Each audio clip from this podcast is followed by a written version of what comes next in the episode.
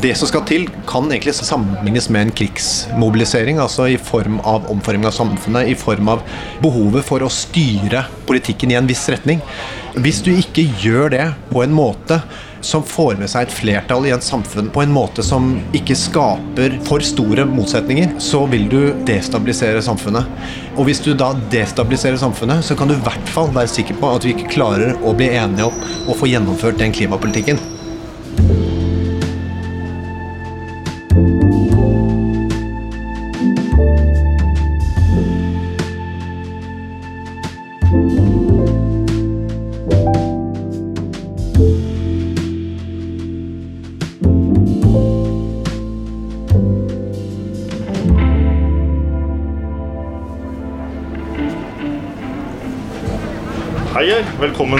Eh, Samtidens eh, drivhusstudio på, på Youngstorget. Ja, tusen takk skal du ha. Det, det virka liksom greit og, og når jeg sto utafor, men da jeg kom inn, så ble det jævlig varmt her inne.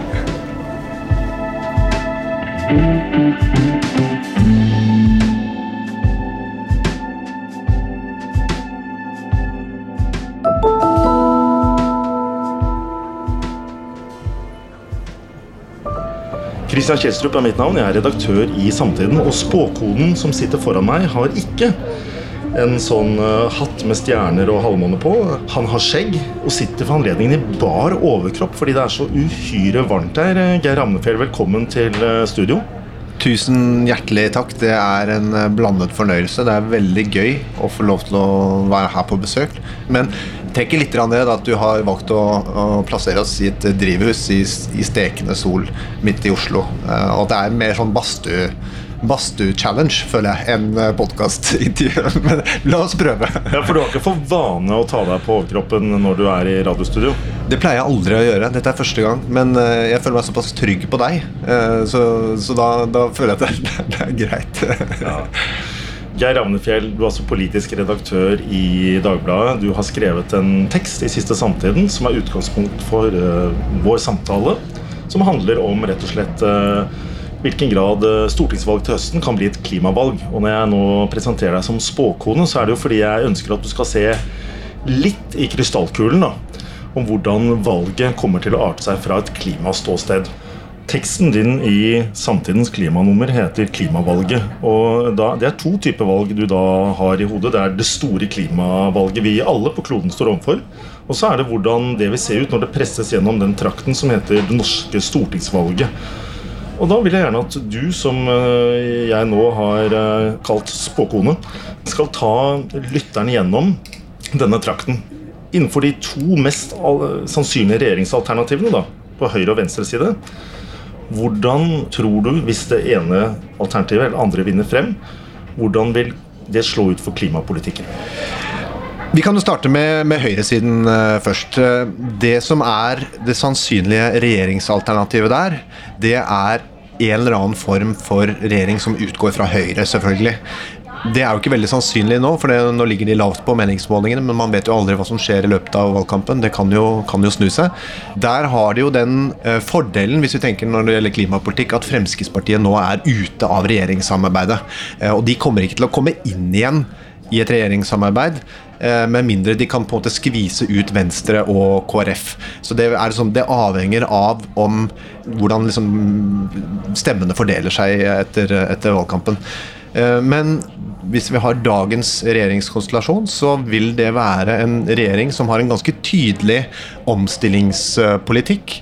De har ganske tydelige ambisjoner for klimakutt. De har lagt fram både en melding for hvordan man skal kutte klimagassutslipp, eh, og de har lagt fram nettopp en melding om energipolitikk, altså hvordan man skal bruke industrien og hele energipolitikken til å kunne både redusere utslipp og også drive med omstilling av eh, økonomien.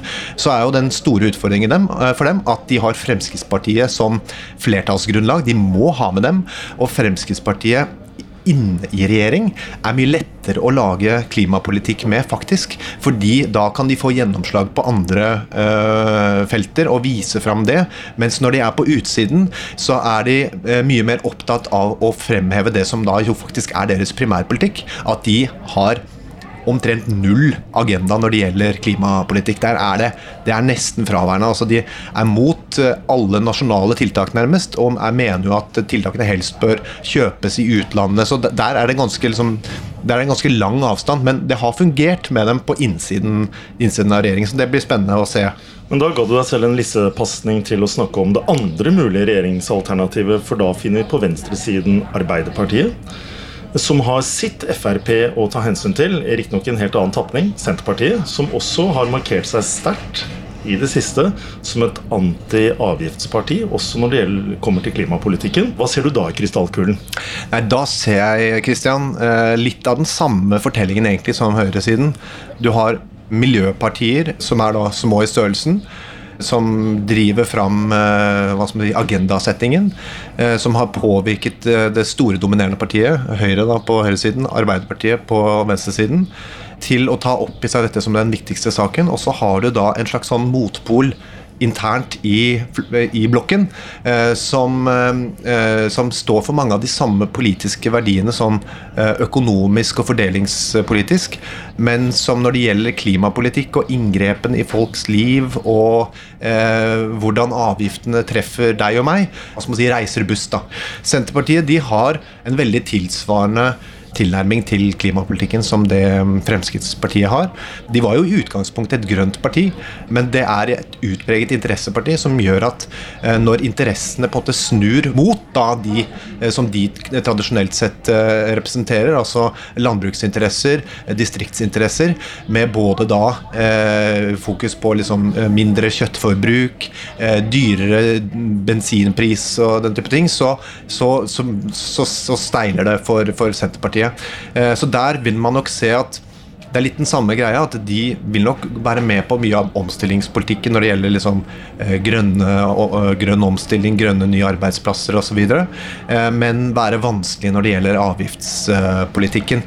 De er ikke like steile som det Fremskrittspartiet er, men det å få liksom en sånn, en sånn det blir ikke en, som en grønn revolusjon med en venstresideregjering så lenge Senterpartiet er så stor som det er. Det er forståelig også. Altså, hvis vi bare snakker litt isolert om Senterpartiet Nå kan man jo knapt uh, lese en nettavis uten at du får ansiktet til Trygve Slagsvold Vedum opp. Uh, han preger norsk politikk veldig mye for tiden, iallfall den politiske debatten. Men uh, hvis jeg går ut av, av eget caffè latte-drikkende ståsted, da, som kanskje man kunne kalle det fra Senterpartiland, og, og ta på meg felleskjøpedressen Vi sitter jo i drivhus. det gjør vi, så vi er nærmere enn vi tror. Eh, nei, så er det jo, så Hvis du er bonde da, og, lever av, uh, av kjøtt annet, og landbruk, og du har uh, store avstander du må tilbakelegge med en dieselbil, så, så, er det fullt forståelig at avgifter f.eks. ikke er så populært. Ja, det, jeg er helt enig, og dette er åpenbart. Det er her, vi kommer inn i Eh, det vi snakka om at alt ligger til rette for at det er mulig å få til dette. Men så er det hvordan skal vi klare å komme frem til ordningene? Hvordan skal vi bli enige eh, om hvordan tiltakene skal gjennomføres uten at noen på veien føler at liksom, ja, men hallo, det er jo vi som må bære byrden. Det er oss det går mest utover. Det er jo det politikken dreier seg om. At det er interessekamp og avveininger, kompromisser, for å prøve å få fram framdrift og omforme samfunnet sånn som man tross alt da, eh, ser at er er nødvendig. Eh, og der har Senterpartiet på en måte inntatt den rollen på, på venstresida, som jo er ledig, kan du si. Eh, for det er jo åpenbart at, eh, at de, de, fenger mange velgere med dette, med dette budskapet her. Og så er bare spørsmålet sånn I hvilken grad vil de, når det kommer til stykket, være villige til å inngå kompromisser og finne løsninger sånn at det faktisk går an å komme videre, sånn at de kan kutte alle utslippene på 30 år. For det må de begynne med nå. Kan, man kan liksom ikke liksom vente ti år til. Nå må det faktisk skje. Eh, og i hvilken grad vil de eh, være preget av det man får et inntrykk av nå, at det er liksom populistisk markeringspolitikk som gjør at de blokkerer for, eh, for framdrift og for, for nye løsninger.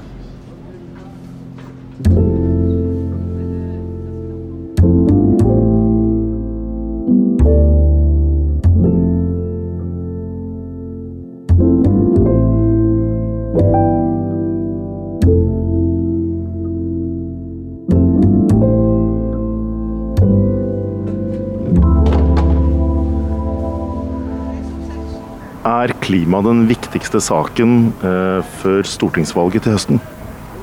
Ja, absolutt. Hvorfor det? Eh, nei, det står jo om framtiden til eh, alle unge. Og eh, ikke bare unge her, men unge over hele verden. Nei Nei. Det er jo en av de viktigste, men om det er akkurat den viktigste, det vil jeg kanskje ikke si. Hva er den viktigste saken, da? Åh, er vanskelig. Herregud. Uh, nei, vet du hva, jeg klarer ikke å svare. Jeg kan ikke. Er klima den aller viktigste saken til valget i høst?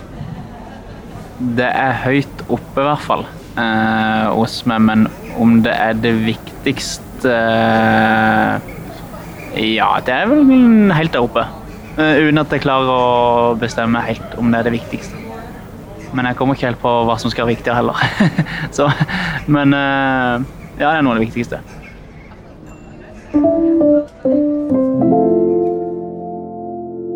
Du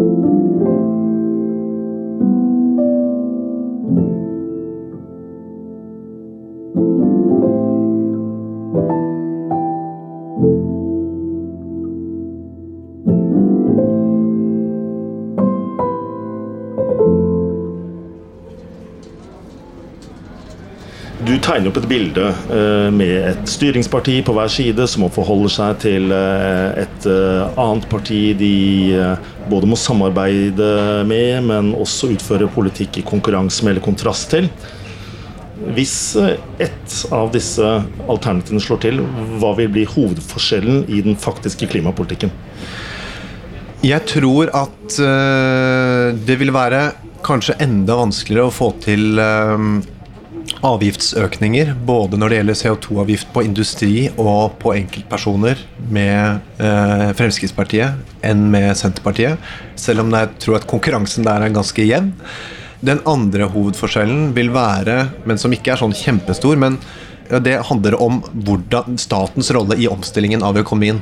Altså Hvor aktive skal staten være i å bidra til det grønne skiftet, da, som sånn helt overordnet. Men det handler jo om liksom, hvordan skal vi få til havvindsatsingen, hvordan skal vi få til hydrogenproduksjon, eh, hvordan skal vi få til batteriproduksjon, alle disse, alle disse tingene.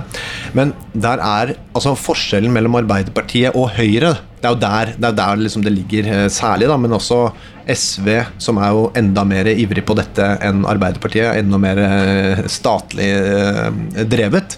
Mens Venstre er da tilsvarende ikke statlig drevet så ser man jo det at når de la fram energimeldinga nå, regjeringen nettopp, så var det veldig sånn Vi skal ha fem til ti pilotprosjekter for hydrogen. Vi skal ha én til to produksjonsanlegg. Vi skal ha havvind der. altså sånn, Det er veldig spesifikt der òg, hva slags grep de ønsker å ta. Og staten har jo en klart sånn en veldig tydelig rolle også der. Så det er vel en gradsforskjell. Og det blir da altså Det ligger jo an til å bli en venstresideregjering etter valget. Det blir veldig interessant å se hvordan de da vil konkretisere hva, hva er det staten skal få til. Hvordan skal de Der er det ennå litt sånn litt åpent hvordan de, hvordan de, hvordan de praktisk vil, vil gjennomføre det. Men du tegner jo et bilde av disse to alternativene som at det store partiet blir hindret på veien fremover mot å nå målene av henholdsvis i dette tilfellet Frp og Senterpartiet. Som om Høyre og Arbeiderpartiet, som er dem som har store trekk vekslet på å sitte med makten i denne 30-årsperioden hvor vi har skullet gjennomføre kutt og ikke har klart det, som om de virkelig, uh, uten noen andre på slep, kunne nærmet seg målet raskere. Men slik er det jo ikke helt.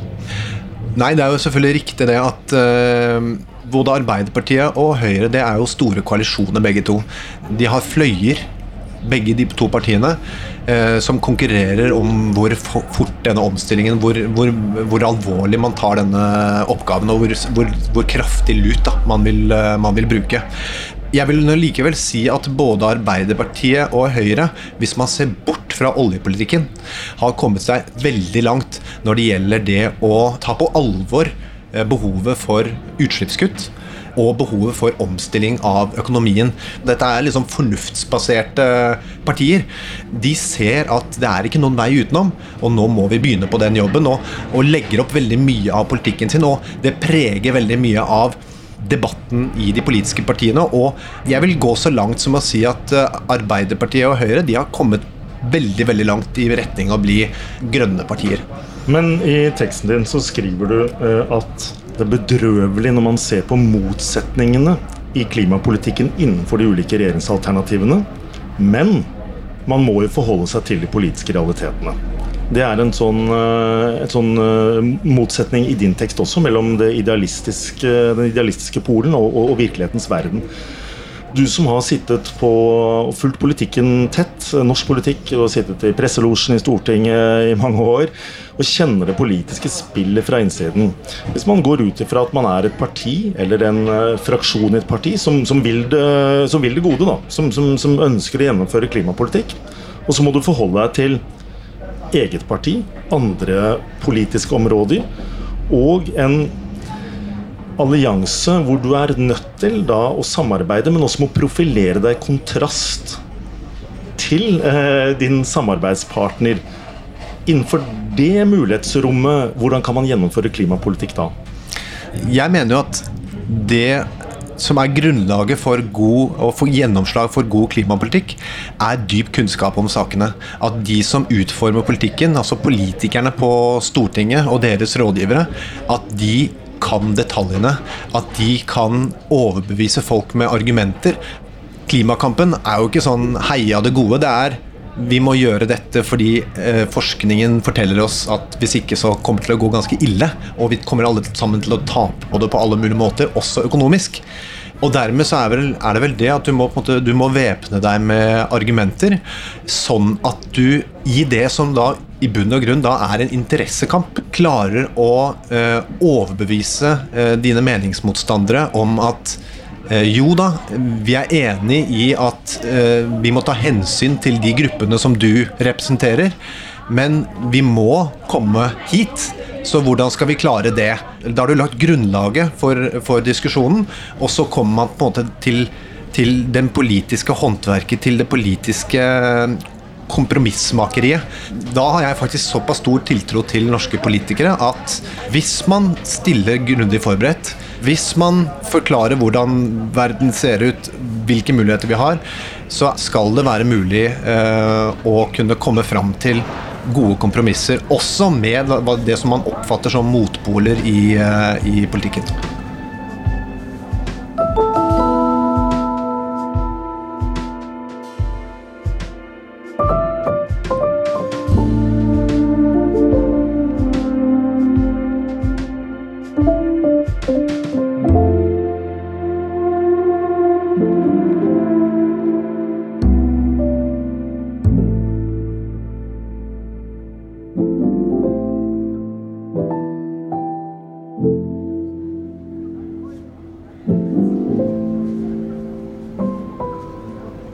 Klima er eh, bare én av flere saker som kommer til å prege valgkampen.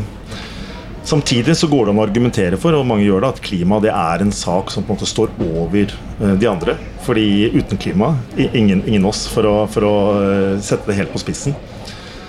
Og da er jo et spørsmål da, i hvilken grad det partipolitiske landskapet og systemet vi har i Norge, er rigget for de store omveltningene vi er nødt til å gjennomføre. Og så har vi fått en liten forsmak nå med pandemien, hvor det i hvert fall i starten av pandemiperioden var en helt annen sånn vilje til konsensus uh, mellom partiene. Så Hvis du zoomer litt ut, da, hva, hva, hva tenker du da om det, dette overordnede spørsmålet? I hvilken grad kan vårt politiske system løse det som er vår historiske oppgave akkurat nå, nemlig klimakrisen? For å begynne med sammenligningen med pandemien. Den er jo veldig interessant fordi eh, det vi har sett under pandemien, er at har, man har etablert en kriseforståelse som har gjort at eh, det å drive hva skal man si, eh, symbolpolitikk, symbolopposisjonspolitikk fra Stortinget, det har ikke vært mulig. Hvis man oppfattes som en sabotør i å liksom fikse pandemien og få oss gjennom dette, så vil du tape enormt mye på det. Vi har ikke den samme kriseforståelsen når det gjelder klima, selv om vi definitivt burde hatt det. Så der har du en, en, et stort problem med, med, klimasaken. At du har ikke den kriseforståelsen. Men den, har, den, den er likevel i ferd med å etablere seg. Det er, nå, det er 30 år vi må klare dette, vi har på oss for å klare dette. Demokratiet er jo til stede for at vi skal klare eh, å styre samfunnsutviklingen på en måte som ikke virker destabiliserende. Alle eh, elementer i samfunnet, alle med stemmerett, da, eh, føler at de blir tatt med på en måte som gjør at de kan akseptere selv om de ikke får vilja si. Og jeg mener at vi har ikke noe annet valg enn, enn å gjennomføre det på den måten, fordi det som skal til, kan egentlig sammenlignes med en krigsmobilisering. Altså i form av omforming av samfunnet, i form av behovet for å styre politikken i en viss retning. Hvis du ikke gjør det på en måte som får med seg et flertall i et samfunn på en måte som ikke skaper for store motsetninger, så vil du eh, destabilisere samfunnet. Og hvis du da destabiliserer samfunnet, så kan du i hvert fall være sikker på at vi ikke klarer å bli enige om å få gjennomført den klimapolitikken. Alternativet er sånt der, sånn klimadiktatur, sånn voldelig klimadiktatur som skal holde motstandere i sjakk. For meg så virker det som like mye marerittscenario som, som det at man driver krangler om klimapolitikken. For å beholde det bildet du tegnet av krigsmobilisering, da, så er det sånn at uh, her hvor vi sitter akkurat nå, uh, på Youngstorget, så er det jo mer uh, sånn frigjøringsstemning. Frigjøring fra pandemiens åk. Eh, og hvor folk vil ut i gatene igjen og drikke øl. Og jeg hører på alle gatehjørnene at man vil eh, så snart det er mulig fly langt og, og nyte livet igjen. ikke sant? Sånn at eh, ja, selv om vi har vært i en koronakrise, så vil jeg jo hevde at um, klimakrisen er en annen type krise, som har en helt annen langvarig tidshorisont, som er noe vi aldri har erfart før uh, som, som globalt samfunn, uh, som individer. Som er overveldende å ta inn over seg. Eh, så jeg lurer litt på eh, hva vi egentlig vil som velgere. For det, det har man jo meningsmåler til, meningsmålinger, og det viser seg at eh, nordmenn er opptatt, særlig de yngre, av, av klima. Men i hvilken grad vil vi som velgere møte oss selv i døra? Fordi det er lett å si at man er for klima, men når disse ubehagelige kuttene da, skal gjennomføres? Ja, det er jo Altså Hvis man ser på meningsmålinger, så er det jo nå et et overveldende flertall som mener at klimapolitikk er eh, viktig i større eller mindre grad. Jeg tror det er noe sånn som sju av ti som, eh, eh, som, som, sier det. Men da har du jo da tre av ti som er sånn det er ikke så viktig for dem. De, de, ser ikke helt poenget. Hvorfor skal vi drive med disse tingene? Og for, for de tre av ti da, som som, som, føler det på den måten, så er jo da Hvis man skal kutte alle utslipp og omforme samfunnet totalt gjennom de neste 30 årene, så vil jo det være en litt sånn vanskelig reise for dem å være med på. Jeg, jeg forstår godt at den motstanden de vil yte, vil være ganske kraftig. Så man har jo enda en vei å gå for å overbevise folk om alvoret i saken og, og nødvendigheten av det. Men samtidig så da vet du at du har sju av ti. Du har et flertall du har et politisk flertall, du har et flertall i befolkningen som støtter hovedretningen. Men det i, i bånn så er det et godt stykke på vei. Og så har du den ene biten at det blir jo ofte sånn i politikken at et mindretalls interesser likevel kan prege politikken i veldig stor grad. Altså, det ser vi jo også på innvandringspolitikken, som er et, eh, et annet felt. At eh, selv om det ofte er flertall i befolkningen for liksom en litt mer liberal innvandringspolitikk, så blir da de politiske partienes eh, kamp om de som på en måte er tilgjengelige, de, som, de velgerne som er ledige på markedet, det blir styrende for retningen på politikken. Så, det, så, hvis, så hvis, klimapolitikken blir preget av at liksom, ja, den, de 30 som ikke liker dette her, det blir en kamp om å få, få deres stemmer, eh, så kan man jo trekkes eh, i negativ retning. Og det er jo i praksis det som er årsaken til at det har gått for sakte til nå. Ja, i, I teksten din i Samtiden så skriver du om det såkalte Merceau-alternativet, altså regjeringsalternativet, bestående av Høyre, Venstre og MDG. Eh, hva er det for noe? Hvorfor kaller du det Merceau-alternativet? det var fordi eh, det, var no, det, er noen kompiser som jeg, som jeg snakka litt med i fjor sommer eh, om eh, et intervju i eh, Finansavisen eh, med Christian Thommessen, som er da finansmann men opptatt av klima. Eh, og når han ble spurt om hva som var hans drømmeregjering, så var det da det var Høyre, eh, det var et sterkt Venstre og så et frisert MDG. Eh, og så fortalte han da i samme eh, intervju at han tilbrakte sommeren på landstedet tror det var i Lillesand. Eh, og hva pleide å servere gjestene? Nei, da serverer jeg dem eh, gjerne et eh, iskaldt glass Merceau.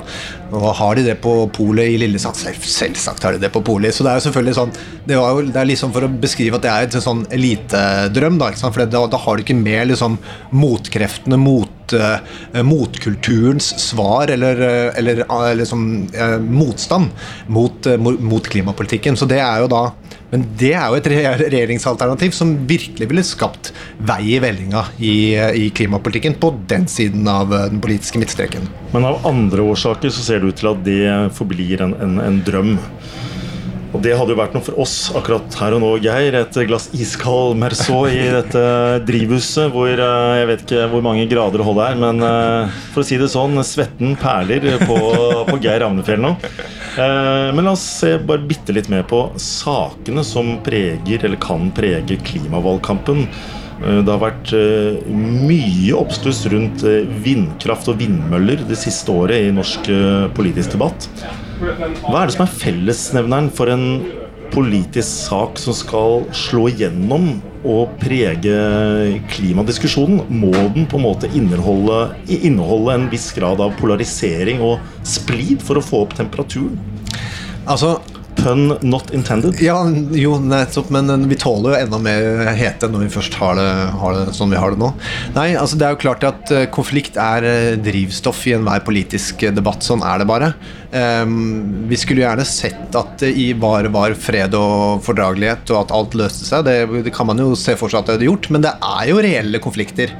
Eh, og måten eh, de konfliktene eh, brytes mot hverandre, måten de løses, kan du si, er jo at partene løfter dem opp, forstørrer dem, setter dem på spissen, sånn at de preger den politiske dagsorden, sånn at de har større mulighet for å få gjennomslag for sitt syn. Så det er jo typisk saker som merkes på kroppen for deg og meg. Og det er jo derfor man har sett at klimapolitikken har fått et så stort gjennomslag. fordi nå har man gått fra liksom, ja, vi skal sette mål om vi skal kutte så og så mye Jeg liker å snakke sånn Erna Solberg-stemme. Vi skal kutte 30% inn altså, det, det, blir sånn, der, sånn, sånn flat sånn der, Dette er ikke noe stress. Men når det kommer til stykket, når man faktisk må øke prisen på drivstoff for å få utslippene ned, når man må legge begrensninger på eh, biltrafikk, når man skal ha mindre trafikkøkning inn til byene, når man skal plassere vindmøller rundt omkring i naturen som folk ikke vil ha vindmøller i, Eh, når man vil plassere havvindmølleparker til havs, hvor kanskje fiskeriinteresser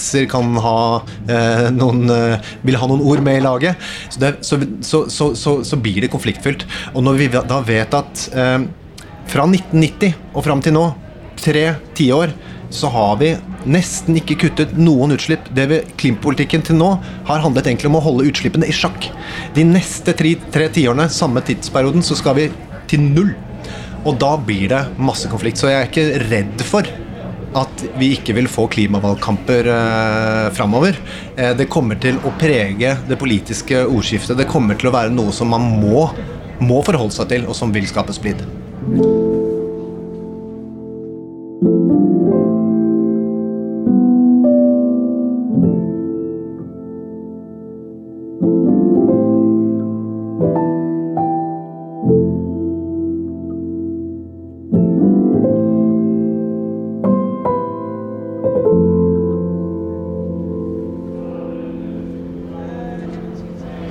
Geir Ramnefjell, politisk redaktør i Dagbladet, som også har skrevet denne saken om eh, klimavalget i siste nummer av Samtiden. Vi skal begynne å runde av her inne i drivhuset på Youngstorget, hvor vi er omgitt av eh, bygningsarbeidere og folk som går forbi. Og her sitter du og sa at du var kald og rolig i klimapolitikken. Og ja, du skjønner hvor jeg vil hen. Du ser jo varm ut og klam ut, men rolig. Men, eh, men, hvis vi skal være litt personlig til slutt, da, for du er jo her i rollen som en slags eh, objektiv politisk kommentator, men du er jo også, som du sa, eh, sterkt engasjert i norsk klimapolitikk. Du er en du er en av de politiske kommentatorene jeg vet om som skriver mest om klima. Så hvis du er litt personlig, hva er, hva er på en måte ditt eget håp for, for denne kommende klimavalgkampen, hvis vi kan kalle den det? Mitt håp for denne klimavalgkampen er at uh, vi får se to uh, politiske hovedalternativer som nå virkelig ser ut til å mene alvor med å starte en omstilling av den, norske økonomien til å bli en økonomi som vil fungere, være vellykket, uh, tjene penger med null utslipp fram mot 2050. Sånn at vi fortsetter å være et land hvor det er godt å bo i.